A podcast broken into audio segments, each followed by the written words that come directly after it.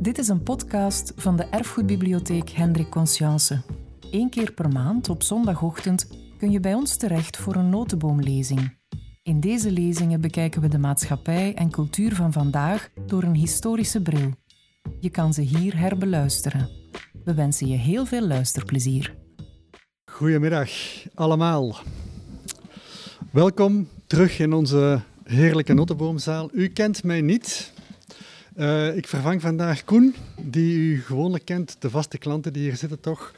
Ik ben uh, Peter Toele, ik ben de opvolger van Anne Renaar in de toekomst als directeur van deze prachtige instelling.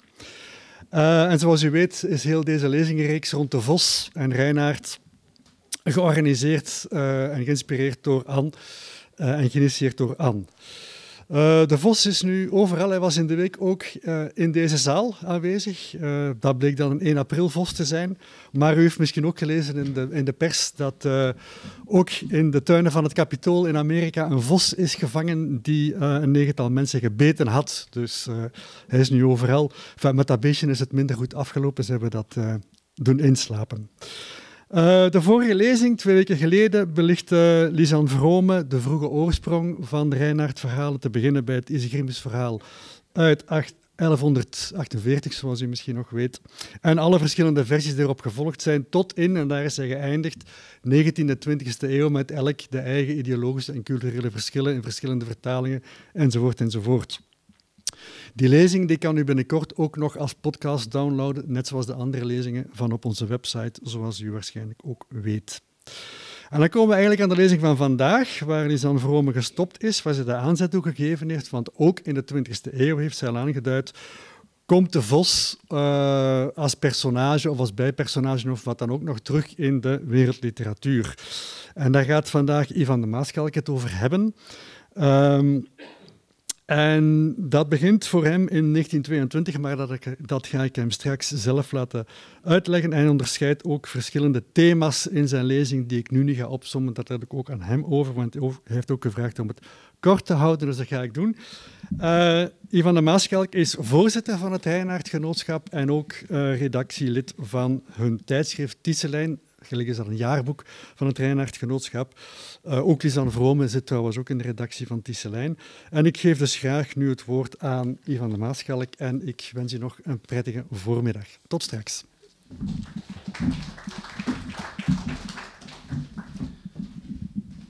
Ja, ik ben een beetje kleiner om te beginnen. Ja, zoals de vossen. Um, goedemorgen, uh, mevrouw Renaar. Goedemorgen, uh, dames en heren, uh, blij dat u, vind ik, toch zo talrijk bent opgekomen op deze mooie, zonnige en nog altijd een beetje koude zondagmorgen. Um, ik zal het, zoals is aangekondigd, over de vos in de moderne literatuur hebben. Um, wie uh, de titel van de vos Reinaarde of Reinaarde kent, zal meteen een knipoog zien van de Vos Reinaard. betekent over de Vos Reinaard. Nu, mijn titel is over de Vos, tot daar gaat, loopt het parallel in de moderne literatuur. In alle eerlijkheid, ik heb het mij een klein beetje gemakkelijk gemaakt of een beetje vaag gelaten. Het gaat over de Vos als personage als motief, als symbool, als verschijning, zonder dat ik uh, altijd zal uitleggen wat het verschil tussen die uh, drie of vier elementen is. En als ik zeg vos, bedoel ik natuurlijk ook niet de biologische vos. Ik neem aan dat Dirk Drouwlands daarover gesproken heeft. Um, en ook niet Reinaard de Vos. Al zal hij af en toe toch wel eens opduiken, want Reinhard de Vos is inderdaad niet onbekend met de Nederlandse literatuur en met de buitenlandse literatuur. Um, hij duikt heel vaak op, maar bewerkingen, vertalingen, hertalingen enzovoort laat ik veiligheidshalve, en ook omdat het anders veel te breed wordt, hier buiten beschouwing. Dus Goethe enzovoort zal niet te sprake komen. Hè mijn excuses daarvoor. Ik heb gekozen voor het woord modern, omdat het natuurlijk ook een vaag begrip is. En modern, dat kan eigenlijk, ja, afhankelijk van het punt waar je begint, zowat elk moment zijn in de tijdgeschiedenis. Het betekent wat helemaal, wat kort duurt. Toch heb ik gekozen voor een datum. Ik ga dat onmiddellijk toelichten, namelijk 1922, in het besef dat ik ook had kunnen kiezen voor 1921 of 1923 of 1924, maar het is toch maar 1922 geworden. Ehm, daarmee bedoel ik niet dat het een chronologisch verhaal zal worden vanaf 1922 tot 2022. Een van de redenen waarom ik het toch heb gedaan is dat het een mooie periode van net 100 jaar. Wij houden van symbolische uh, periodes en aantallen en getallen um, overspant. Niet chronologisch, maar wel min of meer thematisch. Ik zet het ook een beetje tussen aanhalingstekens, want ook wat dat betreft heb ik mij enige vrijheid gepermitteerd. Goed. Waarom 1922? Dat is arbitrair, hoe dan ook. Dat is met alle data zo. Um, meestal is dat toeval, uiteraard. En achteraf wordt er betekenis aan toegekend. Um, maar in 1922 is in de literatuur wereldwijd, of toch in West-Europa, wel een en ander gebeurd. Um, velen onder jullie zullen dat weten. In 1922 slaagt James Joyce er eindelijk in zijn boek, het bekendste van zijn boeken, Ulysses, gepubliceerd te krijgen. Dat gebeurt in Parijs, als ik me niet vergis, in een oplage van duizend exemplaren. en het is een boek dat nog altijd door de meeste mensen zeer wordt geprezen, maar niet is gelezen. Ik heb het ook staan in een hele mooie uitgave. En uh, ik moet eerlijk zeggen, ik heb er ook al in gegrasduimd. Hè. Maar het is natuurlijk het belangrijkste boek. Het is ook het Millenniumboek genoemd. Marcel Proust overlijdt in 1922. Het jaar waarin het vierde deel van zijn À la recherche du temps perdu verschijnt. Voor mij nog altijd de grootste, de mooiste proza-schrijver van het Westen. In 1922 verschijnt ook The Wasteland van T.S. Eliot. José, José zou ik moeten zeggen, Saramago, een schrijver voor wie ik een uitgesproken zwak heb, die wordt geboren in 1922. Dat kan geen toeval zijn. En uh, Rainer Maria Rilke legt de laatste hand aan de Dueneser Elegieën ook in 1922. Ze verschijnen een jaar later. En ik, thuis heb ik er nog één naam aan toegevoegd. Heel toevallig uh, heb ik eraan gedacht. Bij het lezen van het debuut van Peter Nijssen, redacteur, die zijn eerste roman heeft gepubliceerd. En die op het eind van het boek verwijst naar Paul Valéry, die na een lange periode van, ik zal maar zeggen, stilzwijgen, zijn bundel, bekende bundel Charme publiceert, jawel, in 1922. Dus ik was heel blij dat het toen was en niet in 1921 of 1923. In hetzelfde jaar verschijnen ook twee belangrijke vossenverhalen. En daar begint mijn eigenlijke verhaal. Um, het eerste verhaal of boek is Lady into Fox. Een klein verhaal. Ik ga het toch maar eens even tonen. Ik heb het meegebracht. boeken meebrengen naar deze zaal is natuurlijk, heeft iets uitdagends. maar het is een heel klein boekje. En het is uh, pas een paar jaar geleden in 2018 in het Nederlands verschenen. Een hele mooie vertaling, die heb ik niet meegebracht. En dan in het, uit hetzelfde jaar dateert ook het uh, verhaal, kort verhaal, lange kort verhaal, De Fox, vossiger kan het niet zijn natuurlijk, van D.H. Lawrence. Ik heb ooit nog mijn maturiteitsexamen, toen dat nog bestond, hier in Vlaanderen, over D.H. Lawrence mogen of moeten afleggen. Maar ik heb toen dat verhaal niet gelezen. En dan is er nog één hele kleine reden. Dat is misschien een tekstinterne reden. In Thomas Lieske, misschien is die naam al gevallen in een vorige lezing. Um, de vrolijke verrijzenis van Arago, dat klinkt in elk geval prettig, hè, komt de datum uh, 1922 als een soort symbolisch moment, als een eikpunt voor. Dus eigenlijk voldoende redenen vind ik, om 1922 toch maar te laten beginnen. Het is ook het jaar, het wordt soms het annus uh, mirabilis van het modernisme genoemd, maar eigenlijk is dat natuurlijk oké een punt dat men neemt om iets mee te kunnen laten beginnen. Goed.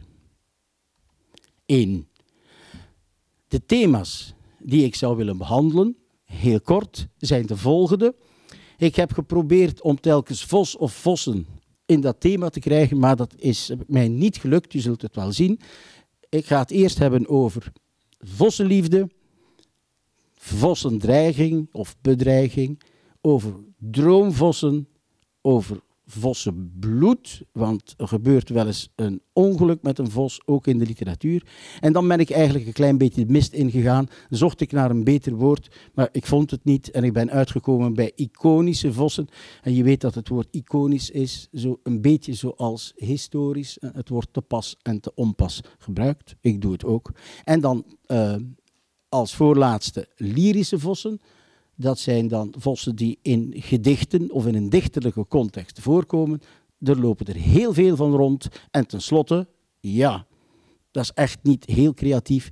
Vossenstaart, vossenstaarten. Ik heb er een meervoud van gemaakt. Eerste thema. Vossenliefde. En dan begin ik in 1922. Um, ehm, het eerste verhaal van David Garnett. David Garnett uh, publiceert dat boek in 1922 en het is meteen het is zijn debuut en meteen ook achteraf gezien zijn beste boek gebleken. Zijn andere boeken heb ik eerlijk gezegd ook niet meer gelezen toen ik las dat ze allemaal minder goed waren, vonden of vinden de critici. Dat boek is vele jaren later vertaald in het Nederlands. Um, het was een succes. Ik heb deze cover genomen omdat je daarop kunt zien DWDD, De Wereld Draait Door. In dat programma werd dat boek, ik weet niet meer in welke maand, ik denk maart 2018, eh, eh, gekozen als het beste boek of als het boek van de maand. De cover, kijk er goed naar, die ga ik later nog eens even misbruiken. Het boek, de Nederlandse vertaling, is intussen ook bewerkt door Judith Herzberg voor het Ulrike hoe heet het, kwade theater, company. En het betekent dus dat, er in dat het in elk geval leeft of is blijven leven of overleven. Nu, dat, uh, dat boekje gaat over um, een koppel, een vrij burgerlijk koppel. Je moet het ergens in, op het eind van de, 18, van de 19e eeuw situeren. Um, Richard Tabrick, het zijn rare namen die getrouwd is met um, Sylvia Fox. Ik zal niet zeggen what's in a name, maar ze heet natuurlijk Vos. Die uh, op een bepaald moment de natuur inwandelen en zonder heel veel aanleiding, of helemaal geen aanleiding, verandert Sylvia in een vos. Een vosin, een moervos, zo je wil. Um, hij doet er eigenlijk alles aan in het begin om haar uh, op andere gedachten te brengen, maar dat lukt niet meer. Eens iemand verandert in een vos, is dat voor goed. Altijd blijft dat zo.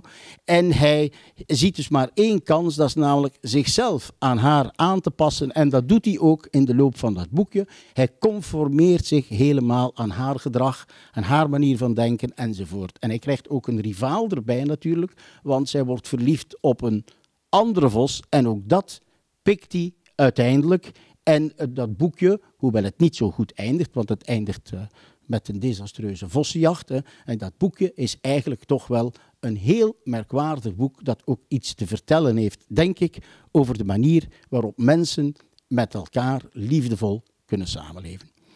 Um, ik heb er het volgende bij genoteerd. Gaat het boek over onvoorwaardelijke liefde tussen twee personages? Dat zou wel kunnen. In elk geval is het een soort metamorfoseboek. Als dat als apart genre al kan bestaan, dan is er dit een voorbeeld van in de traditie van, en iedereen heeft uiteraard Ovidius gelezen, de Metamorfoses, en Kafka, en vrij onlangs, ik wil er eerlijk gezegd wel een lans voor breken, heeft Ian McEwan er een exemplaar aan toegevoegd, namelijk de Cockroach. Is er iemand in de zaal die het boekje heeft gelezen? Het is een kleine novelle en wie het leest, het is helemaal op de huid geschreven van de huidige eerste minister van Groot-Brittannië. Zijn naam ontgaat me. Maar hij verandert in de loop van de eerste bladzijde in een kakkerlak.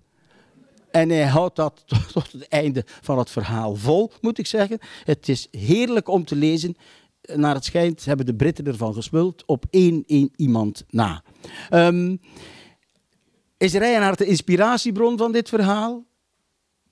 Naar de mening van Joost de Vries in De Groene Waterman helemaal niet. Dat is misschien radicaal.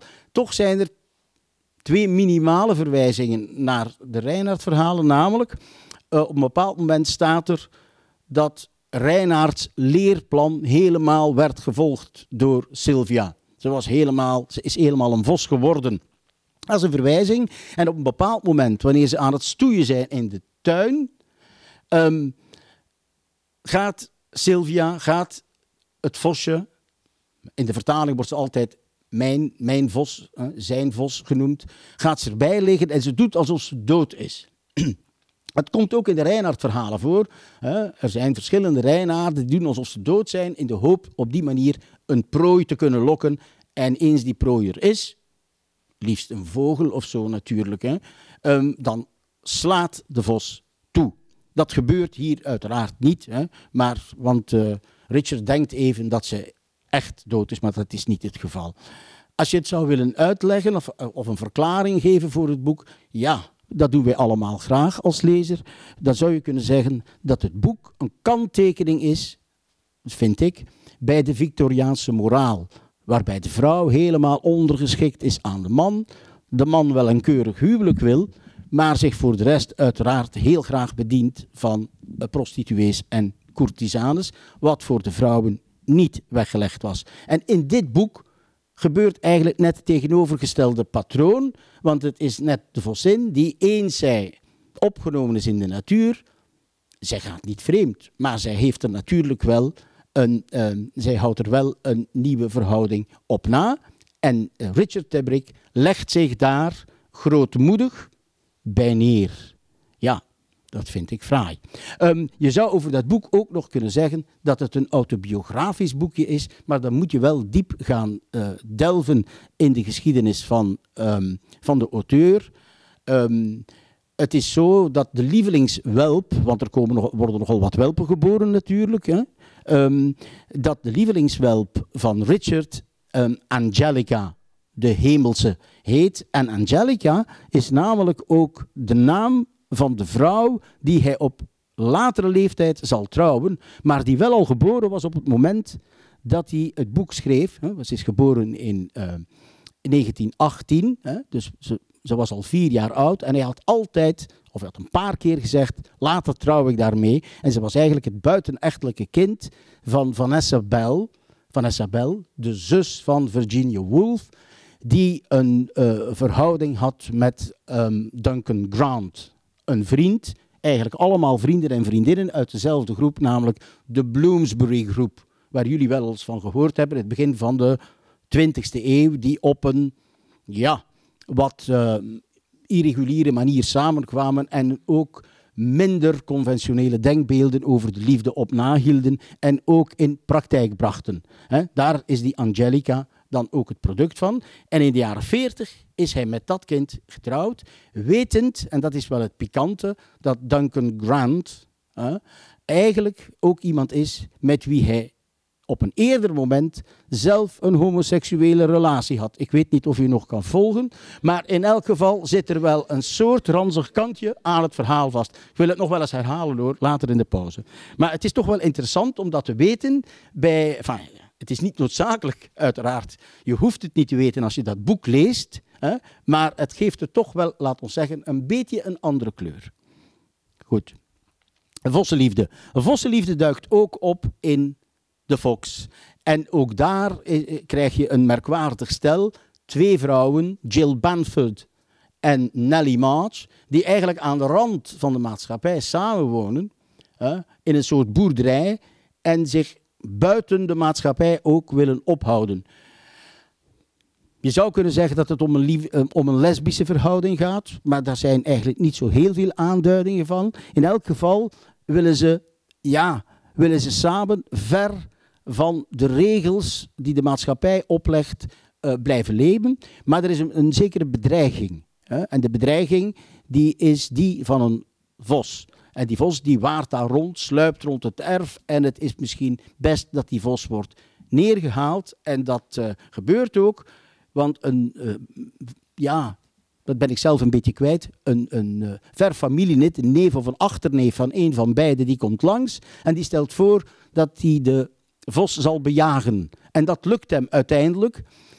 Lorens legt er sterk de nadruk op dat die vos, en de, de jongeman heet Henry, dat die heel erg op elkaar lijken en dat er een soort identificatie plaatsvindt. Dat is trouwens een thema dat door, of een draad, een rode draad, die door de moderne literatuur is terug te vinden over de grenzen van de nationale literaturen heen. Heel veel identificatie. Ik kom er later, er later zeker nog een paar voorbeelden van geven. En um, het rare is dat er tussen Nelly March, die zeer onderdanig is, uh, en Henry een soort liefdesverhouding of een prille liefde ontluikt. En dan zit die andere vrouw natuurlijk wel een klein beetje in de weg. Wat gebeurt er dan meestal in zo'n verhaal? Ja, een ongeluk, waardoor de rivaal of rivale uit de weg wordt geruimd. En dan zou je denken, aha, eindelijk is dat koppel bevrijd en zal het, zal het goed zijn. De vos is intussen gedood, maar er blijven blijkbaar spoken hangen. En op het einde van het verhaal, en daarom is het zo'n uh, typisch, een, een typisch uh, Lorens verhaal, heel veel van zijn romans eindigen onbeslist. Met twee personages die het met elkaar, met elkaar wel vinden of gevonden hebben, maar eigenlijk diep van binnen een andere weg zouden uit willen. En dat gebeurt ook hier. Um, Henry die kijkt eigenlijk al over zee richting Canada.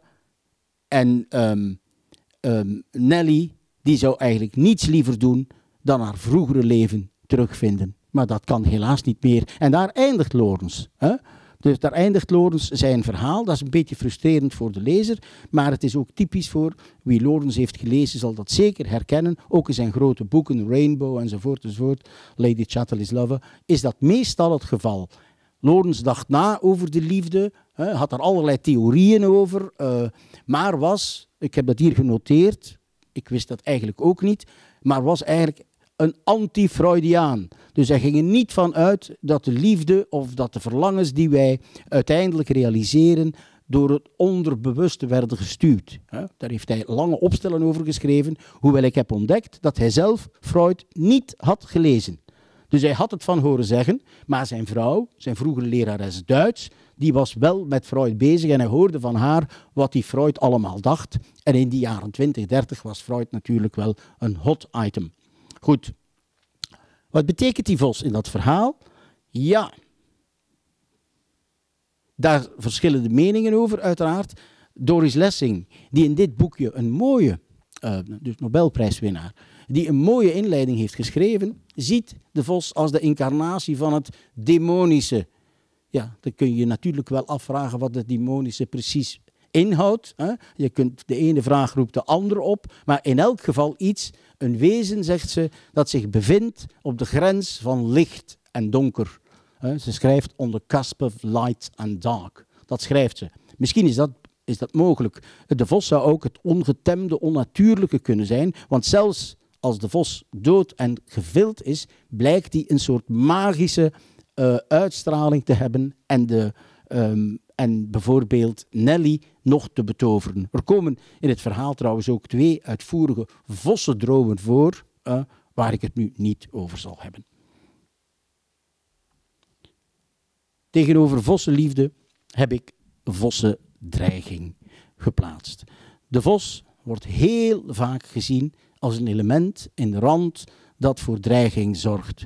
Um, ik wil mij beperken tot twee voorbeelden een van een Canadees auteur, namelijk Jan Martel. Ik heb zijn, uh, de uitspraak van zijn naam opgezocht en dat vond ik op, uh, dat vond ik, uh, op het internet.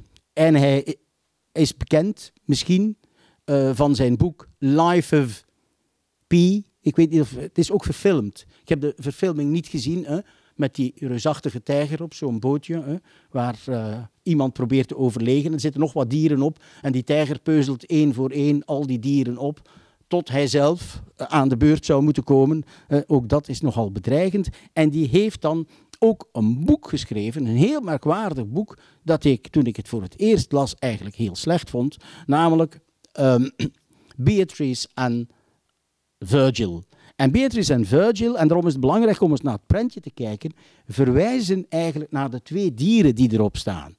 Namelijk de ezelin uh, Beatrice en de aap Virgil. Natuurlijk zijn dat bekende namen. Beatrice doet denken onder meer. Ja, mijn vrouw heet toevallig ook zo, maar dat zal wel niet de bedoeling geweest zijn. Het doet natuurlijk ook onder meer denken aan Dante. En Virgil is Vergilius, hè, niet uh, een van de minsten der minsten van onder de Latijnse dichters. Waar gaat dat boek over? Dat boek is eigenlijk een boek van een auteur die met een writersblok wordt geconfronteerd. Die begint te schrijven die wil, en hij wil eigenlijk een heel goed boek schrijven over de Holocaust. Ja, de Shoah. Maar geen boek zoals er al vaak zijn geschreven, waar een verhaal wordt opgebouwd, een aantal slachtoffers worden gepresenteerd enzovoort. En iedereen tegen het eind van het boek zegt dan, wauw, hoe vreselijk is het dan toch geweest. Nee, hij wil een boek schrijven dat alleen allegorisch naar de Shoah, naar de Jodenvervolging uh, verwijst. En dat is niet makkelijk. Hij zit vast. Hij, hij slaagt er niet in om dat boek te schrijven. En komt toevallig in contact met iemand die de oorlog wel heeft meegemaakt, maar aan de andere kant. Een van de vroegere verdelgers van de Joden. En een man die zich nu verborgen houdt als taxidermist, als dierenopzetter. Hij heeft zich letterlijk tussen dode dieren verscholen. Is dat symbolisch? Of ik weet niet op welke manier te duiden, dat zou wel eens kunnen. En die man die schrijft zelf ook aan een boek. En dat boek heet, zijn boek heet Beatrice en Virgil en bestaat uit niets anders dan onafgewerkte dialogen die wanneer je ze leest heel vreemd aandoen en vooral doen denken aan um, Waiting for Godot van Beckett. Vrij absurde dialogen en de auteur, ze heten eigenlijk allebei Henry, spiegelen zich dus in elkaar, denk ik. Wat doet Henry? Henry de schrijver met zijn, uh, met zijn writersblok neemt de teksten van de taxidermist gewoon in zijn boek over. En op die manier, en de lezer leest je ook uiteraard, ze staan in extenso in het boek, op die manier komt ongewild toch een soort boek tot stand waarin over de holocaust wordt gesproken, of althans waarin op de holocaust wordt gealludeerd en dat hij niet helemaal zelf heeft geschreven en dat niet zomaar een gewoon narratief is. Ja. um, zit er dan een vos in? Ja, uiteraard, want anders had ik het niet vermeld. Op een bepaald moment is die taxidermist een vos aan het prepareren. Ik heb één klein citaatje en hij staat daarbij. Dat is toch al een vrij uitvoerige passage. En hij ziet hoe hij de ligamenten lossnijdt de ingewanden eruit haalt en die vos ligt er op de duur als een pels met een kop bij. En terwijl hij er naar kijkt, denkt hij het volgende. Um, mag ik het lezen? Het is een hele kleine tekst. En hij, en hij denkt, terwijl hij kijkt naar die vos die verandert in in een, in een pels. A soul on fire, he thought. The head suddenly became that of a being caught in its moment of greatest agony totale angst. Shuddering uncontrollably beyond reason and beyond help. Hij ziet in die vos, die natuurlijk vurig is, ja, dat staat er een beetje toevallig naast, van kleur, ziet hij eigenlijk het beeld van de Shoah voor ogen. Er is een criticus die een dergelijk klein symbolisch ding een iconisch beeld noemt. Je zou het een metafoor kunnen noemen, metafoor grotere onderwerp, het grotere thema dat hij in zijn boek wil behandelen, maar niet in extenso behandelt. Dat boek, Vossendreiging. Tweede, en daar zit de Vossendreiging helemaal in. Um, ik neem aan dat jullie de naam Herta Müller kennen. In Roemenië geboren, Duitsstalige auteur die de Nobelprijs heeft gekregen. Het staat erop. in 2009. Ehm, een auteur waar je je tanden een beetje op kan breken wanneer je ze leest. En ze heeft eigenlijk maar één thema. En dat thema is de dictatuur en hoe de dictatuur eigenlijk het leven van de mensen beïnvloedt en uiteindelijk ook vernielt, angst zaait en die angst op een systematische manier op alle mogelijke niveaus in stand houdt. Daarover schrijft Herta Müller tot de dag van vandaag. Um, haar boeken, ja, eens je ze begint te lezen en je het een beetje het systeem doorhebt, zijn ze heerlijke literatuur, vind ik, omdat ze stilistisch zo sterk is. Hè. eigenlijk zijn het lyrische boeken met, ja, met schrale verhalen, maar op de achtergrond zit altijd de dictator die de mens helemaal uh, ja, in bedwang houdt, tracht te houden en daar ook nog in slaagt. Wat de personages ook willen doen. In um, De Vos was de jager, dat opnieuw vertaald, Ria, uh, Ria, van Hengel heeft dat gedaan, opnieuw uh, vertaald is na de toekenning van de Nobelprijs. Um, in, in dat boek gaat het over twee vrouwelijke personages die in het begin goede vriendinnen van elkaar zijn. Clara, die een ingenieur is in een, in een, um, ja, in een draad, draadfabriek. Ik denk dan um, dat die, die draad bedoeld is om de mensen um, in, in bedwang te houden. Is een, lijkt mij een mooi symbool. En Adina. En Adina is een onderwijzeres. En in het begin komen die heel graag overeen. Maar Clara die knoopt een relatie aan met een zekere Pavel of Pavel. En die blijkt behalve advocaat ook lid te zijn van de geheime dienst. En ze groeien uit elkaar en willen uiteraard voor elkaar uh, willen voor elkaar vluchten. Clara wil haar vriendin geen kwaad berokkenen en Adina wil vooral uiteraard niet in contact komen met uh, de dictatuur, hoewel ze dat voortdurend doet natuurlijk, en de dictator, die bijgenaamd wordt de kuif in het boekje. De kuif, als de kuif verschijnt, het klinkt lieflijk, is dat de dictator, hè? Ceausescu. En in dat boek, een van de manieren waarop de dictatuur Adina terroriseert, is gewoon, van gewoon, het is niet gewoon, is gewoon door de pels van een, van een vos telkens te verhuizen naar de kamer waarnaar zij verhuist en er telkens een van de ledematen van los te snijden. Een poot, eerst de linkerpoot, dan de rechterpoot, dan de achterpoten, een stuk de kop en die telkens tegen, tegen de pels aan te leggen. En het, voor haar is het een teken dat waar zij ook gaat, zij voortdurend door het oog van de dictatuur uh, in het oog wordt gehouden. Het is een, heel beklemmend boek, vind ik. Um, en het, het, toont de dictatuur als wat zij zelf heeft genoemd, als ik dat nog even mag tonen, uh, als wat zij in een ander boek heeft genoemd. Ik heb alleen de, de Duitse vertaling. Een riesige Angstzentrale met psychologisch geschulten angstspecialisten. En dat is inderdaad ook zo. Dus een, een reusachtige angstcentrale met psychologisch geschoolde. Ze zijn alleen maar geschoold om de mensen bang te maken. En dat gebeurt soms op een heel subtiele manier, maar ook soms op heel weinig subtiele manieren. Dat heeft zij in haar autobiografische boekje, heel mooi boekje, waarin ze heel open, openhartig spreekt over haar ervaring met de dictatuur. Zij is in uh, eh, 1987, twee jaar voor de val van de muur van Berlijn, naar Duitsland, naar Berlijn uh, verhuisd. Eén citaatje uit het boek, toch dit. In elk hoofdstuk komt die vos op een of andere manier, dode vos, hè, op een of andere manier uh, in beeld. Op de grond, beneden, waar de vos, het is een verwijzing naar de titel natuurlijk, waar de vos de jager is. De vos staat ook voor de dictator en is dus meteen de jager. Leggen haar vingers de afgesneden poten tegen de vacht aan. Het is een amechtige, onmachtige poging van haar om te doen alsof de dreiging van de dictator misschien nog niet zo erg is. Dus het dier is helemaal losgesneden. Dat wil zeggen dat zij bijna helemaal in de greep van de dictatuur zit, maar zij probeert te doen alsof het nog niet helemaal het geval is. Ja, beklemmend boek. Er zijn prettiger boeken om te lezen, maar de vos speelt er een grote rol in. Bij die vossendreiging, dat is eigenlijk maar een kanttekening. Heel vaak komen in de boeken natuurlijk vossenjachten uh, voor en worden de vossen bedreigd, afgemaakt enzovoort. Een, veel een, vaak voorkomende, um, excuseer, uh, metafoor, zowel in fictie als non-fictie. Ik heb hier een naam tussen gezet van een boek dat ik niet heb gelezen. Ik dacht het nog, ik heb het besteld.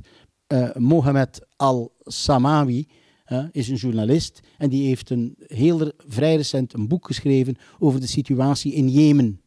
En de titel, was, de titel is van het boek The Fox Hunt. Ik dacht, ah, een boek over vossenjacht. Nee, het is een boek over jacht op mensen. Zoveel weet ik er wel van. Um, Herta Müller, Sarah Pennypacker, ook uiteraard in de, in de jeugdliteratuur. Uh, Sarah Pennypacker heeft een boekje Pax Vrede. En Pax is de naam van een vos. Hè. Dus soms is de, de vos die de dreiging is, is krijgt een heel um, ambivalent statuut. Nog één klein dingetje, en misschien is die naam ook al vermeld. Soms is het ook heel erg onschuldig. In het boek Vossenjacht van uh, Racheda Kooijman komt eigenlijk één, maar één enkele korte, erotisch getinde uh, vossenscène uh, voor. Maar ik, ik wou het jullie toch niet onthouden. en voor de rest gaat het over iemand die op zoek gaat. ik geloof dat ze Nadia heet, naar haar eigen Marokkaanse roots, naar haar herkomst. En zij heeft een, een, een Amsterdams, denk ik, vriendje. En die um, houden heel erg van de liefde. En hij zegt op een bepaald moment: We spelen vossenjacht. Ken je dat? Ik ben een vos, jij nu ook een vos. We jagen op elkaar. Degene die als eerste de andere te pakken heeft, moet een massage geven van minstens een half uur met een happy end. Ja, ik wou toch ook iets vrolijks toevoegen aan de vossendreiging. Vossenliefde, vossendreiging, een kleine sprong dromen. Ik heb D.H. Lawrence tussen haakjes gezet om te zeggen van kijk, er loopt misschien nog wel een draad tussen al die dromen. Er komen twee dromen voor in The Fox van Lawrence. Maar er zijn drie auteurs, moderne auteurs, die je heel makkelijk, vind ik, op elkaar kunt enten en die met um, uh, alle drie een droomvos bevatten. Kleine foto van die drie mensen, Ted Hughes, uh, de voormalige ondertussen is er, zijn er al één of twee, um, Poet Laureate, dichter des vaderlands van Groot-Brittannië. Sebastine of Sebastienne, ik weet echt niet hoe haar naam wordt uitgesproken in de huiskamer. Postma en, jullie allemaal bekend uiteraard, Connie Palmen. Um, ik zeg eerst iets over, ik begin met de oudste, met de oudste tekst die mee aan de basis ligt van de twee volgende, die van Postma en palmen. Ja, dit kunnen jullie denk ik niet lezen en ik ga het ook niet uh, voorlezen. Dit is een van de meest iconische vossengedichten uit de hele Engelse literatuur. En het heet The Thought Fox, de gedachtevos, de gedroomde vos van Ted Hughes. En Ted Hughes kennen jullie als de echtgenoot van Sylvia Plath, die in 1963 uh, um, begin 1963 zelfmoord pleegde door zich met haar hoofd in de gasoven uh, te plaatsen in haar eigen keuken en, en toen gevonden werd. En Ted Hughes die schreef uh, dit gedicht. Het is een van zijn eerste gepubliceerde gedichten. Om en bij, toen hij nog student was in Cambridge in 1902 of 53. En hij, um, het is een gedicht, je moet je voorstellen, hij zit als dichter of een man.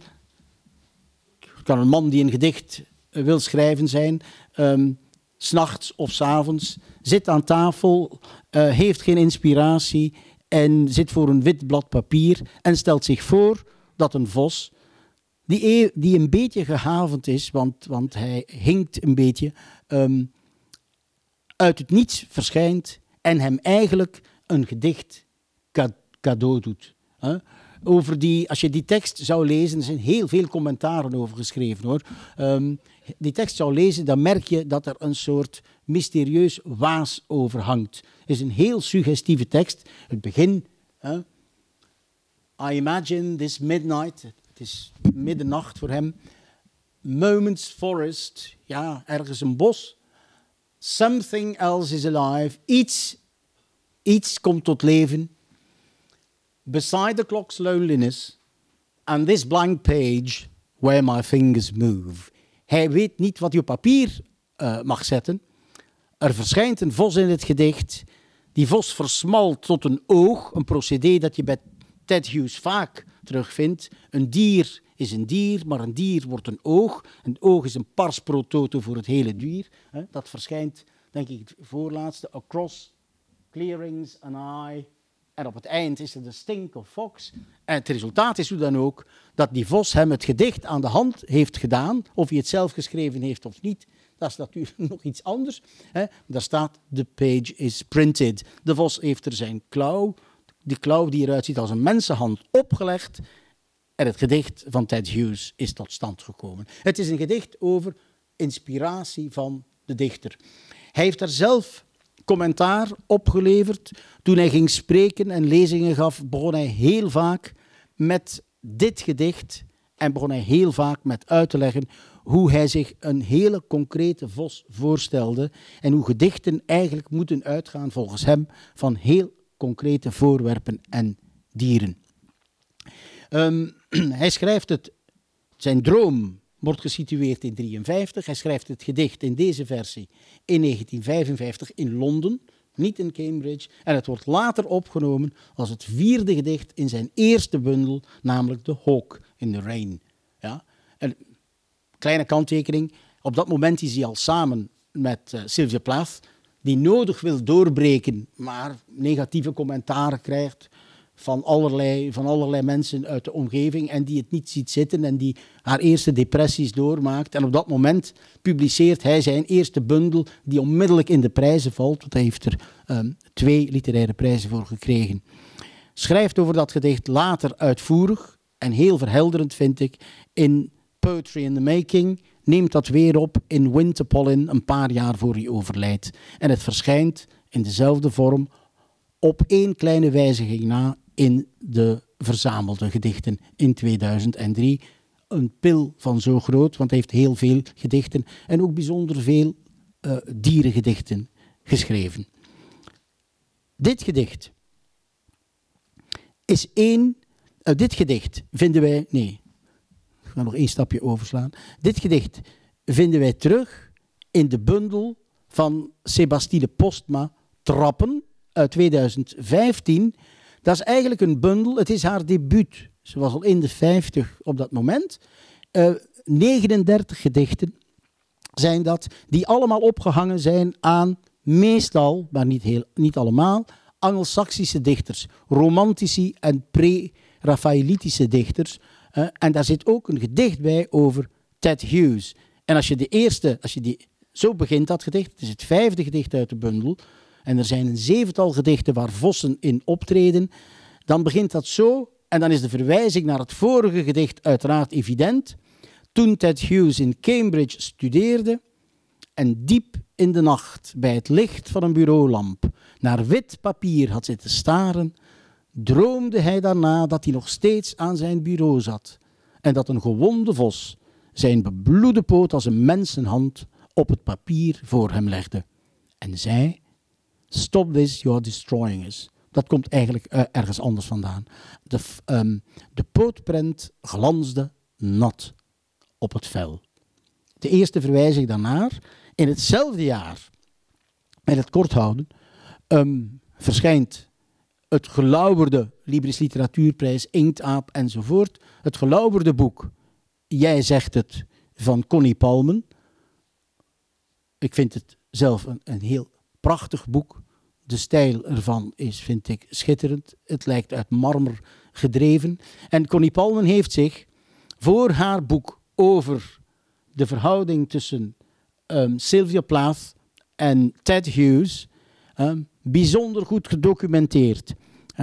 Dat ene gedicht is een bron, maar daarnaast heeft zij vooral gebruik gemaakt van de van de laatste bundel die Ted Hughes zelf aan ja, de relatie met uh, Sylvia Plath heeft gewijd. Excuseer. en het boek vertelt, zoals jullie wel weten, eigenlijk zijn versie van de feiten, want hij werd na de dood van Sylvia Plath ja, door iedereen uiteraard um, de mantel uitgeveegd, hij is zwaar aangevallen enzovoort. En in dit boek krijgt hij, ik hoop dat mijn stem het houdt, krijgt hij um, ja, de kans om zich te verdedigen. Ja, ik heb um, van dit boek geen enkele tekst opgenomen. Het hele, ik zou het hele boek willen citeren, maar dat kan denk ik niet, of is toch niet wenselijk. Maar het boek is wel in de loop van de voorbije jaren in heel veel talen vertaald. Ik heb er een aantal naast elkaar gezet. Naast het uh, oorspronkelijke boek staat vertaling in het Italiaans, vertaling in het Bulgaars. Ik zal me niet wagen aan het lezen van de titel. Vertaling in het Frans, vertaling in het Engels, vertaling in het Duits. En er zijn nog wel een paar talen, maar daar heb ik geen cover van gevonden. Ik dacht ook het Chinees en het, en het Arabisch. Dus het is over heel de wereld verspreid. En het is ook een heel prachtig boek. Wie het nog niet gelezen heeft, moet het zeker lezen. En er komen in dat boek zeker zes scènes voor waarin de vos of vossen of een vosje een rol spelen. Waar die vos voor staat is voor interpretatie vatbaar, maar hij zou wel eens kunnen staan voor de demonen die in Sylvia Plath opspelen. De vos wil naar buiten en ja, om een of andere, eh, op een of andere manier is Ted Hughes er niet in geslaagd de demonen waarmee ze worstelde, haar uh, suïcidale aanleg enzovoort, te bedaren. Dat is een van de mogelijkheden, maar je ziet dat ook op de omslag een vos met, een, met een vinkje dat wormen pikt uit het oor van, van die vos is afgedrukt. In de Italiaanse versie heeft men ook een vos met nog een ander dier bewaard. In de meeste andere, uh, in de meeste andere covers die ik gevonden heb, zie je dat men de titel heeft, uh, niet heeft vertaald, maar dat men eigenlijk het, het, ja, de tweeledigheid van het verhaal heeft opgenomen in de titel. Your story, my story. Ook in de Franse, uh, ton histoire, mon histoire. En dat is, uh, dat is wel anders hè, dan jij zegt het, dat een bijbelse verwijzing is naar een uitspraak van Judas. Hè. Een van de thema's van de roman is ook natuurlijk verraad. Vossenbloed. We kunnen er niet uh, omheen. Er worden heel veel vossen aangereden in de uh, literatuur. En een boek waarin dat in het begin gebeurd is, de vrolijke verrijzenis van Arago. De titel zelf is uh, uiteraard heel leuk, verwijst naar iets leuks. Um, ja, ga proberen het, het, verhaal niet na te vertellen, want het is bijzonder. Het is een behoorlijk ingewikkeld verhaal, maar het heeft een, laten we zeggen, het heeft een verhaallaag of een dubbele verhaallaag. Een Nederlands koppel bevindt zich in 1999 in de Dolomieten, eigenlijk in een grensgebied. En op een bepaald, met een dochter die niet bepaald uh, met ja, veel zin op de achterbank zit. Eigenlijk wil ze liever ergens anders zijn, maar ze wordt meegenomen. Ze heet, ze heet Joyce. En ze rijden een vos aan. En door dat ongeluk um, verongelukken ze. Althans, de ouders zeker. En wellicht ook wel de dochter. Maar in de roman staat dat zij uit de dood wordt, ja, uit de dood wordt uh, opgetrokken, tot leven weer wordt gewekt door het vosje, dat ook dood is, maar weer verrijst. Bijna ogenblikkelijk. Het is een heel merkwaardig iets. Ik heb het er nog eens op nagelezen. Dus je kunt erover twijfelen of dat meisje wel dood is of niet. Maar in elk geval komt ze in een coma terecht en wordt ze door twee merkwaardige snoeshanen, groteske personages. De ene heet Gifkikker en de andere zijn naam uh, ben ik kwijt. Hè? Italianen naar een ziekenhuis gebracht in de buurt. Ja? En dan begint in dat, in dat boek wat Thomas Lieske zelf een, een dromerige verhaalslingering noemt. Hè? Ga je van het ene moment in haar comateuze toestand beeldt ze zich in dat ze iemand anders is, namelijk een zekere Lise, en verwijlt ze in de jaren twintig eigenlijk van voor 22, maar 22 maakt daar ook deel van uit. En het is namelijk ook het, uh, het bouwjaar van de auto waarmee ze het ongeluk hebben tegengekomen. Je zou het kunnen zien als een knipoog of een verwijzing naar de stand van de wetenschap op dat moment. En ze verblijft in haar comateuze toestand heel vaak in Leiden, waar beroemde fysici en astrofysici elkaar partij geven en elkaar terugvinden. Ehrenfels vooral in dit geval, maar ook Niels Bohr, die ik mezelf nog herinner van het atoommodel. Niet dat ik daar veel van begreep, maar in elk geval grote namen komen, komen daar samen. Ook Einstein wordt vermeld enzovoort. En je pendelt als lezer voortdurend tussen twee tijdsmomenten. Het moment nu, zeg maar anno 1999, en de vroege jaren 20 als Lise. En het is een, een heerlijk boek. Je moet er dus heel, als lezer heel veel bij nemen. En de Vos maakt daar deel van uit. Hè, en speelt een heel bijzondere, tot, de tot leven gekomen Vos speelt een heel bijzondere rol in het boek. Um, de beste recensie die ik over het boek heb gelezen is die van uh, Bart Verhaak. En die, Vervaak, sorry. En die, die vindt dat dat boek eigenlijk gaat over het voortdurend verleggen van of verkennen van grenzen. En ik denk dat dat ook klopt. Grenzen. Lise heeft heel veel gesprekken met die heel geleerde mensen, die veel geleerder zijn dan zij natuurlijk. En um, over de grens tussen geloof en ongeloof. Wat is wetenschappelijk mogelijk en wat is wetenschappelijke onzin? Enzovoort. Het gaat ook over uh, de grens tussen bestaan en niet bestaan, tussen dood en leven, sowieso. En het merkwaardige, het leuke is dat zij ook als Lise, zij, zij heeft bepaalde sportieve talenten en zij, zij rijdt met een fiets op een strak gespannen draad, van een grens gesproken. Zij is dus ook een evenwichtskunstenaar. En dat is uiteraard een, een knipoog die van groot belang is om de lezer op het goede spoor te zetten. De Vos is een van de grote symbolen in die, uh, in die roman. En hij is voor mij het vos, vos, vosje, het symbool van het geloof in het ondenkbare. Een dode vos kan niet verrijzen, dat is duidelijk. Maar in dit boek wel. Hè? Het is het symbool van het experiment. Want die uh, fysici die praten met Lise en ook onder elkaar vaak over hoe ver kan de wetenschap gaan? En zij houden voortdurend gedachte-experimenten. Kunnen wij in ons hoofd vragen oproepen die de werkelijkheid ver overstijgen? Hun antwoord is eigenlijk ja. Waarom niet? Op die manier kunnen we tenminste een grens verleggen en op dingen komen die we anders niet zouden vinden. Je zou, het ook, het, um, je zou hem ook kunnen zien als het symbool van het wonder. Hè? Um, als uh, het symbool van het optimisme, wetenschappelijke optimisme enzovoort.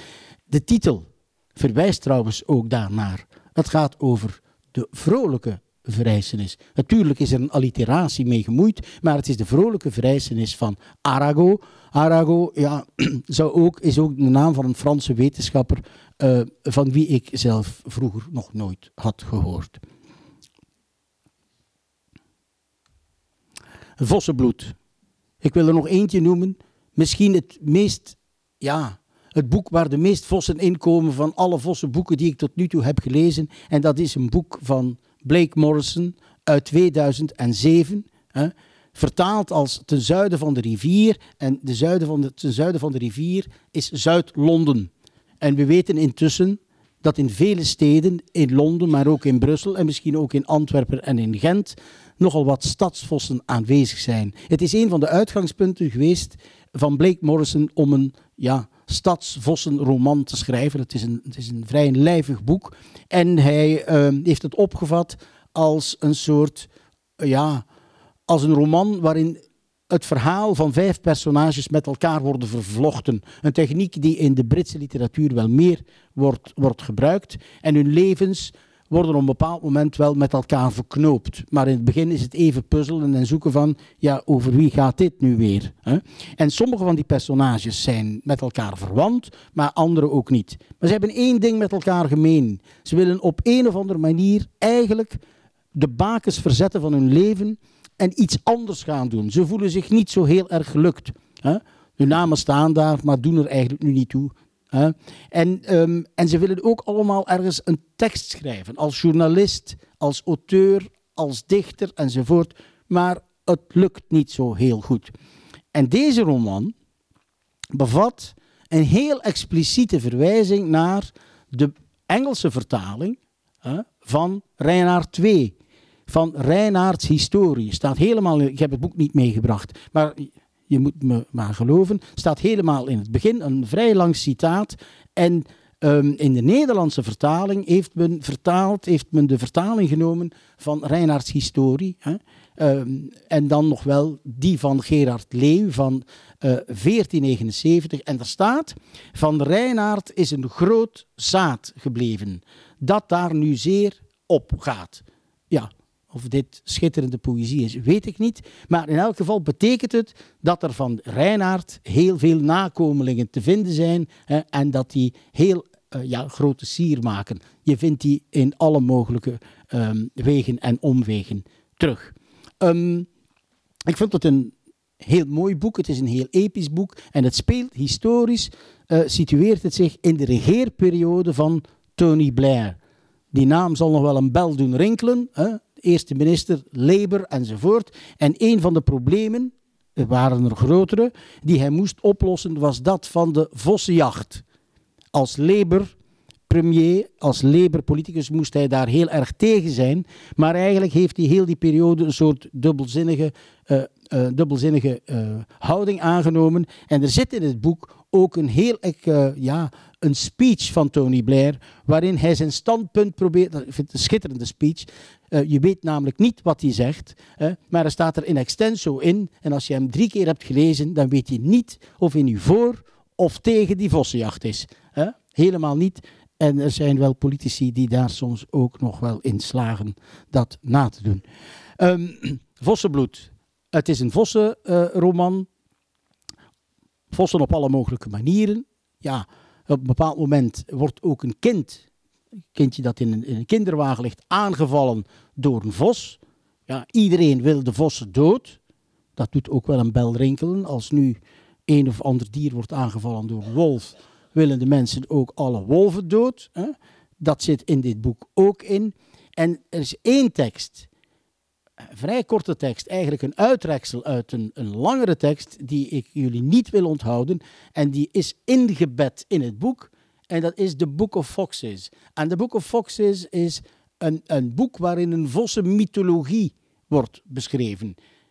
De vos wordt geschapen, hè?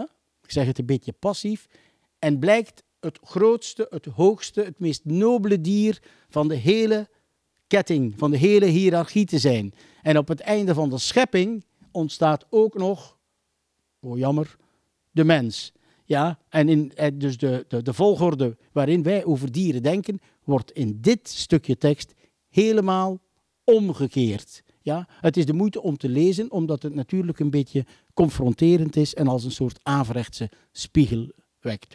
Degene die het schrijft, werkt. Degene die het schrijft is uh, Anthea Hurt. Zij wil, zij wil uh, ja, een mooi boek schrijven en zij, zij legt haar tekst voor aan een van de andere personages die uh, lessen literatuur geeft, maar er zelf niet in slaagt een roman te schrijven.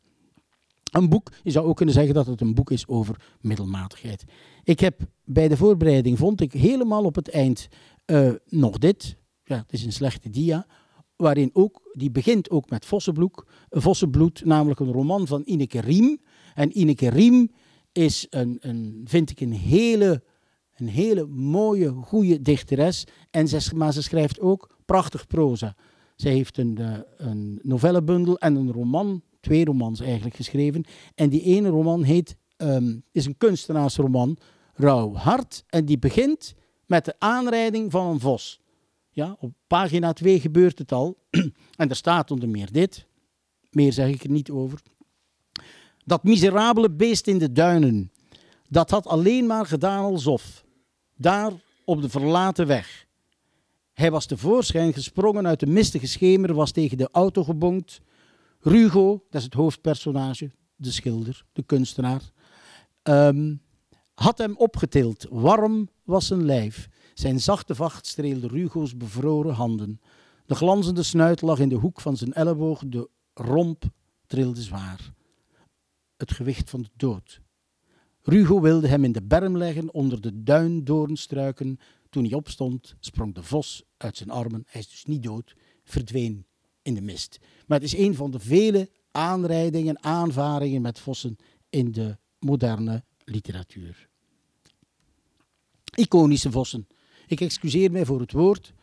Het wordt heel vaak gebruikt. Ik had misschien eigenlijk metafysisch of transcendente of iets anders moeten gebruiken. Maar het gaat in elk geval over vossen in boeken waarin de vossen een meer dan menselijke statuur toegedicht krijgen. Daarnet was er eigenlijk al een kleine aanzet. Twee, over twee boeken zeg ik kort iets.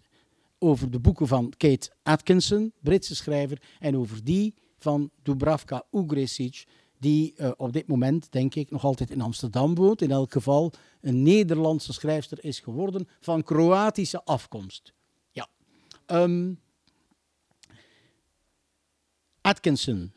Die twee boeken vormen samen een soort diptiek, één roman, en concentreren zich op de leden van één en dezelfde familie, namelijk de familie Todd. Todd, de Todds, dat zijn eigenlijk de vossen. Want Todd is een ander Engels woord voor mannetjesvos. Het is in zekere zin een heel, zijn het klassieke romans, klassieke romans, saga's over wat er met al die personages gebeurt. En het is ook in de tijd makkelijk te situeren, net voor, tijdens en na de Tweede Wereldoorlog. Zij heeft daar ook heel veel research voor gedaan en veel van de dingen die erin staan kloppen ook met de historische werkelijkheid, zover wij die kennen. Dus inhoudelijk een klassieke roman, al verspringt, al verspringt, uh, uh, de verspringt het verhaal vaak in de tijd. Dus formeel gezien is het heel achronologisch, maar eens je de personages kent, weet je, ah ja, we zitten nu net voor de oorlog, het gaat daarover, of de blitzkrieg is bezig in Londen enzovoort. Dus je moet wel een beetje wakker blijven als je het leest. Zit ook vol intratextuele verwijzingen. Het ene boek verwijst naar het andere, want het tweede zet het eerste verhaal eigenlijk voort. En het heeft ook, en dat is heel aardig aan, een, een meervoudig begin, namelijk Ursula, hè, de, of Ursula, de dochter van de stammoeder Sylvie, die wordt verschillende keren na elkaar geboren. Dus je leest hoofdstuk 1 en zij wordt geboren. De omstandigheden worden uitgelegd enzovoort. Het is... Uh, uh, hartje winter. En in het volgende hoofdstuk wordt ze nogmaals geboren. En je denkt van, mm, klopt er iets niet? Ja, maar er is een personage minder. Het is een beetje minder, minder koud of een beetje warmer. De voetvrouw is niet aanwezig. En dat gebeurt zo een ettelijke keren. Zodanig dat je echt de tijd krijgt als lezer om van start te gaan. Ja? Het doet mij, uh, nu ik eraan denk, een beetje denken aan The French Lieutenant's Woman. Ik weet niet of iemand ook een verfilmd boek dat als je dat boek leest, dat heeft een drievoudig einde. Je komt naar het laatste hoofdstuk en dan staat er, zo zou het boek kunnen eindigen. En dan volgt nog twee keer een alternatief einde van hetzelfde boek. Ja, gelukkig doet niet ieder schrijver dat, want dan zou het nooit eindigen. Um, um, in dat boek is de identificatie, ik heb gezegd dat het vaak voorkomt, tussen de stammoeder, hè, Sylvie verwijst natuurlijk naar Bos, en de vos, en ook die tussen haar dochter en de vos, bijzonder groot. ze, het, het, landgoed waarop zij wonen heet trouwens ook ehm, de Foxkone, de Vossenhoek. Um, het merkwaardige in dat boek, en daarom heb ik gedacht aan iconisch, of ik had het metafysisch kunnen noemen, de vos krijgt, net als andere dieren, in deze roman een soort buitengewone status toegedicht. Er lopen een paar personages, lopen, er zijn een paar personages in, in de roman aanwezig die geloven in reïncarnatie of in een of andere vorm van reïncarnatie. En wanneer op vossen wordt geschoten, en er is één van de, van de familieleden die het doet, hè, Maurice, Maurice doet dat heel graag, uh, die wordt eraan herinnerd dat hij eigenlijk iets heel gevaarlijks doet. Want het zou wel eens kunnen dat die vos de nieuwe gestalte of de nieuwe gedaante is van een vroeger mens. En dat wordt ook letterlijk op een bepaald moment gezegd. Ook de dokter die Ursula of die, die Sylvie verlost van Ursula in het begin is iemand die gelooft in uh, reïncarnatie. She might come back as a fox in the next life. Staat er heel letterlijk in het, uh, in het vervolg A God in Ruins. Iconische vossen, nog een iconische vos vind ik terug in het boek De Vos. Nu, ik toon deze omslag omdat alleen in de Nederlandse vertaling er op de omslag, op het voorblad, staat onder de titel Roman. Als je dat boek leest, is er iemand, ik geen onderzoek doen, is er iemand die het boek gelezen heeft? Nee. Wel, als je dat boek leest, die als boek dat als roman wordt gepresenteerd, dan kom je in zes heel uitvoerige, soms heel grillige hoofdstukken terecht, waarin um, Ugresic zelf nadenkt over de rol van de literatuur en de betekenis ervan. En daar hele mooie en soms heel onverwachte dingen over zegt. Eigenlijk is het een reeks van autobiografische essays waar wel verhalen in vermengd zitten. En in elk hoofdstuk komen vossen langs. Soms begrijp je, althans ik niet, waarom, maar ze zitten er allemaal in en het heeft daar in elk geval geïnspireerd om dat boek, ook de Kroatische titel is Vos, Vos te noemen. En uh, vooral in het begin en op het eind wordt eigenlijk, ja, krijgt de vos een soort lofzang over zich heen en worden er allerlei dingen over de vos gezegd die je wel hier, her en der uh, kunt lezen, maar die hier samengenomen worden. Het is zeker een heel meervoudig symbool. Um, hij krijgt soms een goddelijke status toegedicht. In Japan blijkt er een goddelijke vos te zijn, Inari. Hè. Hij komt nog terug. Maar in elk geval, wat de vos ook mag betekenen, waar hij ook mag voor staan, voor haar, en dat komt meer dan één keer in haar boek, uh, wordt meer, meer dan één keer in haar boek gezegd, is het in elk geval het totemdier, dat wil zeggen het dier waarmee een schrijver zich het makkelijkst of best identificeert, het totemdier van de schrijvers. Ook Ted Hughes vond dat. Hè? Hij heeft letterlijk ooit zelf geschreven in een van zijn commentaren: Dit is mijn totem, dit is het dier waar ik mijn, laten we zeggen, artistieke bescherming aan ontleen. Eén klein citaatje uit dat. Het is een vrij uh, ja, ja, lijvig boek. Um, dit, op een bepaald moment, op het eind, is een hele lange bladzijde, enfin, is een hele lange uh, tirade over wat de vos allemaal kan betekenen. En daar staat dit. De vos is geen dier, geen mens, zoals wij. En ook geen godheid. Ze, en dan komt er iets heel merkwaardigs, hoewel het over de vos gaat, wordt dat dier in de loop van het boek gaandeweg vrouwelijk, niet mannelijk. Ze is een eeuwige blinde passagier, een migrante, die met gemak door de werelden reist en als ze bij controle geen vervoerbewijs kan tonen, laat ze een paar balletjes op haar staart ronddraaien. Hier wordt een en ander gebanaliseerd en vertoont ze wat andere goedkope kunstjes. Pagina 351, er volgen er nog een paar en dan is het boek uit. Maar het is onmogelijk om na te vertellen. Ze vertelt honderd uit over uh, Russische avant-garde schrijvers enzovoort. Zij is een slaviste. En het is bijzonder interessant om, um, om het boek te lezen. Maar ja, je, hebt er wel, je moet er wel een beetje wakker voor zijn uh, om het uh, te laten indringen. En liefst ook eens herlezen. Maar mooi boek. Goed. Zes, lyrische vossen. Kijk, lyrische vossen in de recente Nederlandse literatuur zijn heel, heel veel. Ik wil ze niet allemaal opsommen. Hè. Uh, zou ik ook niet kunnen natuurlijk, want ik zou er onmiddellijk uh, belangrijke missen. Ik ga er drie toch even vermelden. Drie Nederlandse, Nederlandstalige schrijvers die zeker iets met vossen hebben en er uitvoerig aan refereren. De eerste is Emma Krebolder. Ik heb, het, ik heb de bundel mee en ik uh, heeft hem zelf gesigneerd. Ja, dat is meestal zelf. Ze heeft hem gesigneerd en in mijn exemplaar heeft ze geschreven een autobiografietje. Dus ze beschouwt haar bundel over vossen, en het zijn allemaal vossengedichten, als een soort, ja, um, als een soort metaforische autobiografie. En een van de gedichten, Mijn kleine tijd, um, daar komt het volgende stukje poëzie in voor. En het sluit aan bij wat ik hiervoor heb gezegd, en daarom heb ik het ook gekozen. In alle talen kruipt die rond. Mijn vos. Identificatie. Als renard, of dit kan ik niet uitspreken hoor. Umweha, was hij Foha, was hij Puka. Zijn naam werd verhaal en omgekeerd. In Japan bracht hij het tot vossengod. Inari. Dezelfde Inari die ook bij Dubravka Igresic wordt vermeld. Het is een hele mooie bundel uit 1998 en ze heeft daarna nog heel veel mooie bundels uh, geschreven. De Vos is een grensbewoner. Het leuke is dat Emma Kribolder dat zelf ook in zekere zin is. Ze heeft een hele tijd in Maastricht gewoond en ik neem aan dat ze daar nog altijd woont.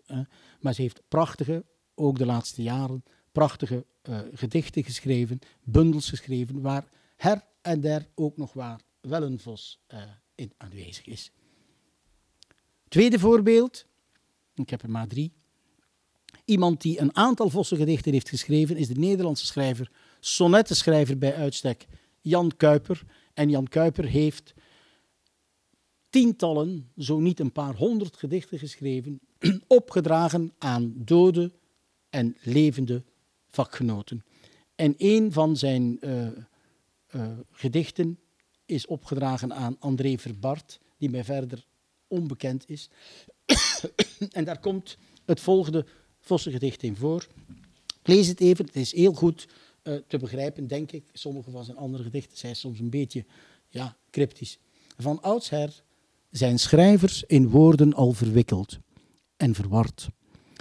Wie maakt me los? Vraagt de gestrikte haas aan Rijn de Vos, die wel een beetje bang is voor de val, maar die toch ook moet eten. Berg en dal zijn overdekt met een licht ruisend bos. Het verre draven van het zwarte ros verdrinkt haar, verdrinkt daar, totdat het hoorngeschal de groene jager aan het rode dier verraadt. Het rode dier is de vos. Dat geeft de, jaag, dat geeft de haas respijt. Zijn leven trekt aan hem voorbij, de haken die hij geslagen heeft voordat hij hier moest hangen. Hij heeft nog een hele tijd om er iets ingewikkeld van te maken. Je stelt je een haas voor die vastzit in een klem. Een vos komt voorbij en denkt, lekker hapje. Maar hij denkt twee keer na en denkt, oh oh, daar hoor ik het hoorngeschal. Ze zijn op zoek naar mij en laat de haas maar in de strik zitten. Um, Jan Kuiper is een heel merkwaardig gedichter. Hoe hij er soms in slaagt om. Uh, hij heeft ook een gedicht opgedragen aan Koppen, een van de personages. Uh, je weet wel, Koppen. Die um, Reinaard, die Reinaard verbeet, doodbeet. Hè? En dat is een prachtig gedicht en is eigenlijk een soort immemoriam voor uh, Willem die Madok maakte. Ten slotte, als voorbeeld, een gedicht uit um, de bundel De Aangelanden van Paul de Metz. Paul de Metz is gedurende een paar jaar plattelandsdichter van Oost-Vlaanderen geweest. En hij heeft heel erg zijn best gedaan. Ik had het boekje kunnen meebrengen. En heeft tientallen plattelandsgedichten geschreven. En gelukkig ook eentje, die, uh, één, één gedichtje, dat zich, één gedicht dat zich situeert in een tuin in een, beetje een vorstelijke tuin in, in Beervelde. En daar zitten mensen samen. En als je het hele gedicht leest, lijkt het alsof ze in een treincoupé zitten. Allemaal mensen die het goed met elkaar kunnen vinden. Tot er iemand opduikt die ze niet zo graag zien opduiken. En dat is namelijk, het wordt niet gezegd, maar het is duidelijk, een vos. Zit hier iemand tussen die aan de beschrijving voldoet? Rood, bruin zou hij zijn, haar in een staart met een witte punt op zwarte sokken. Iemand vangt de zon met een hand. Je ziet de schaduw die op de rugleuning voor je valt. Een duim naar boven. De wijsvinger vormt een oog. Je ziet het vormen. De pink gespreid. Weg van de andere vingers. De schaduw hapt en doet je adem stokken. Ja, dus ze zitten allemaal op een stoel en plots verschijnt een schaduw van een dier dat ze niet zien op de leuning en het blijkt de schaduw van een vos te zijn. Ik heb een klein stukje van de omslag van vrouw of vos hier opgenomen en daar zie je net in die omslag het oog dat met handen wordt gevormd en dat wel eens de schaduw zou kunnen zijn die de vos op de rugleuning um, van de stoel werpt. Een lyrische vos. Vossenstaarten, ik wil, af, uh, wil afronden en niet flauw doen, maar we bevinden ons in de Notenboomzaal en dus dacht ik, misschien is Notenboom geen slecht auteur om mee te stoppen. Nee, in alle eerlijkheid, ik, het is Notenboom geworden omdat hij net voor ik uh, de laatste hand legde aan de voorbereiding, een bundel van hem thuis kreeg. Deze bundel, en die heette Vos. Ja, en uh, Vos, daar komt wel geteld één vossengedicht in voor. Ik zal straks een heel klein stukje uh, uittonen. Nu, Cees Notenboom heeft wel meer over vossen geschreven. En in het boek S'nachts komen de vossen. Ja, dat heb ik ook mee. Daar staat ook een uh, vos op. Daar zit een verhaal in, Paula 2, dat eigenlijk een soort riposte, een soort antwoord is op een eerder verhaal. Paula. En dat eindigt als volgt. Het zijn de laatste regels van het verhaal. Ik vertel het verhaal niet. Afscheid. Het echte. Het laatste. Je hebt je raam opgezet. Windvlaag. Dat was ik. Geritsel. Het is eigenlijk een dood iemand die spreekt. Gefluister. Het geluid van vossen. Een nacht in de woestijn. Gedachte vossen. Geen echte. Alles heel vluchtig. Zoals wij zijn. Weg. En dat deed me ook meteen denken natuurlijk aan Gedachtevos, Gedachtevossen, Thought Fox van Ted Hughes. Nog één staart. In een, vroeger, ik, uh, toen ik door zijn poëzie wandelde, kwam ik een uh, gedicht tegen dat gewoon het of het heet. In licht overal. En dat is ook een vossengedicht. En daar citeer ik een klein stukje uit.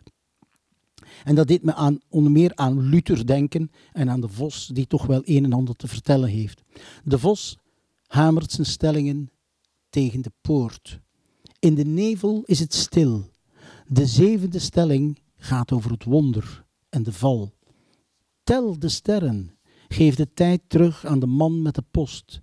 Vraag de vos wat het is en waarom. Wat het is, dat kom je niet te weten natuurlijk. Dat is het voorrecht van de poëzie. Zij moet raadselachtig blijven. En dan tenslotte uit de bundel Vos. Dat eindigt als volgt. Het gaat over een man en een vos die elkaar aanblikken in een veld van sneeuw. Het is een wintergedicht. En ze kijken naar elkaar en de vos kijkt een beetje in de ogen van de man, draait zich om en um, draaft door het uh, besneeuwde veld. Leeg was alles, ook hijzelf. De vos nam een besluit en rende een lange streep tegen het wit. Verhaal van snelheid en angst. Zijn poten nu een ander viertal. Hebreeuwse letters op een blanco vel. Begin van een geschrift dat op de foto achterblijft. Verhaal van wintermiddag. Man en vos, licht en man en dier. Er is alleen maar dit. Seconde, stilte, vos. Alleen maar dit gedicht. Dit is eigenlijk mijn laatste vossentekst, maar ik wil er toch, als dat mag, nog één ding aan toevoegen. Ik wil me excuseren voor het feit dat ik een aantal mensen dichters, schrijvers niet heb vermeld. het zijn niet de minste. En ze staan er niet allemaal op. Peter Holvoet Hansen, mocht hij hier zijn, dan zou hij buitelend over jullie hoofden tot op het podium uh, belanden, dat weet ik zeker. Evi Harens, Evi Arens, Mark Tritsmans, die ook een prachtig vossengedicht, wel een dode vos weliswaar, maar toch heeft. Anton van Wilderode, die zoveel vossengedichten heeft geschreven die ja, rechtstreeks teruggaan op Van den Vos Reinaarde, Ingmar Heitse, Vos onder ijs enzovoort. En dan wil ik heel in het bijzonder toch vermelden de volgende boeken, waarin de Reinaard een bijzondere rol speelt over het algemeen. Het leugenverhaal van Verhuik, van Kisling en Verhuik. Paul Verhuik is jammer genoeg een paar jaar geleden overleden en is de schrijver hij is van Antwerpen afkomstig, de schrijver van een aantal prachtige, prachtige verhalen. En indien hij nog zou leven, zou hij zeker nog een aantal prachtige verhalen hebben toegevoegd. Het leugenverhaal kan ik alleen maar met heel veel warmte en enthousiasme aanbevelen. Daar zit zelfs een korte samenvatting in van het Reinaard-verhaal van Reinaard I, van de Vos Reinaarde.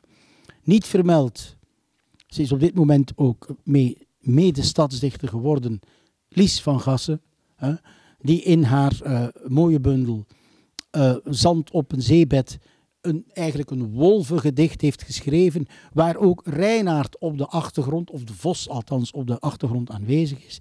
En dan voor mij het boek der boeken, als het over hertalingen gaat, zeker moderne hertalingen, het prachtige boek um, Reynard de Fox van Anne-Louise Avery. Schitterend. Wie graag Engels leest, moet dit boek zeker lezen. Wie graag nieuwe Engelse woorden zou willen opdoen, moet zeker dit boek lezen.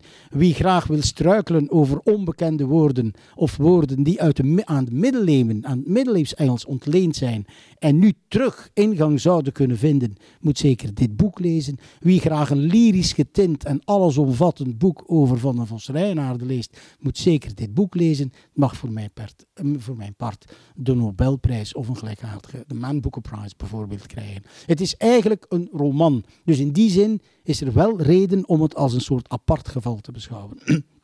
Willem, uh, die, um, Willem die Madok maakte van Dros is een boek dat genomineerd was voor de Nieuwe Boon. Het is een heel uitvoerig boek. Ik vond het zelf een prachtig boek. Het is een heel episch boek.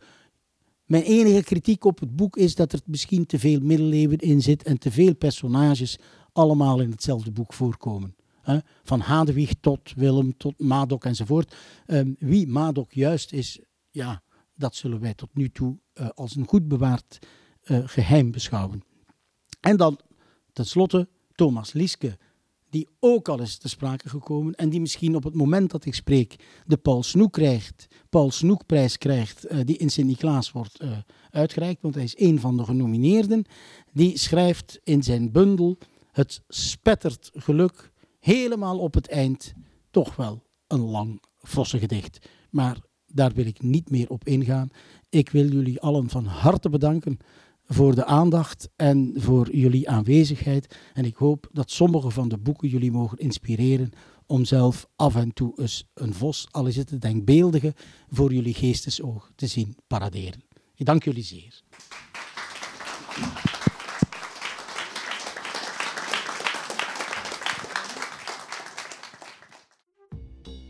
Je luisterde naar een podcast van de Erfgoedbibliotheek Hendrik Conscience. Wil je nog een andere lezing beluisteren? Ga dan naar www.consciencebibliotheek.be-herbeluister.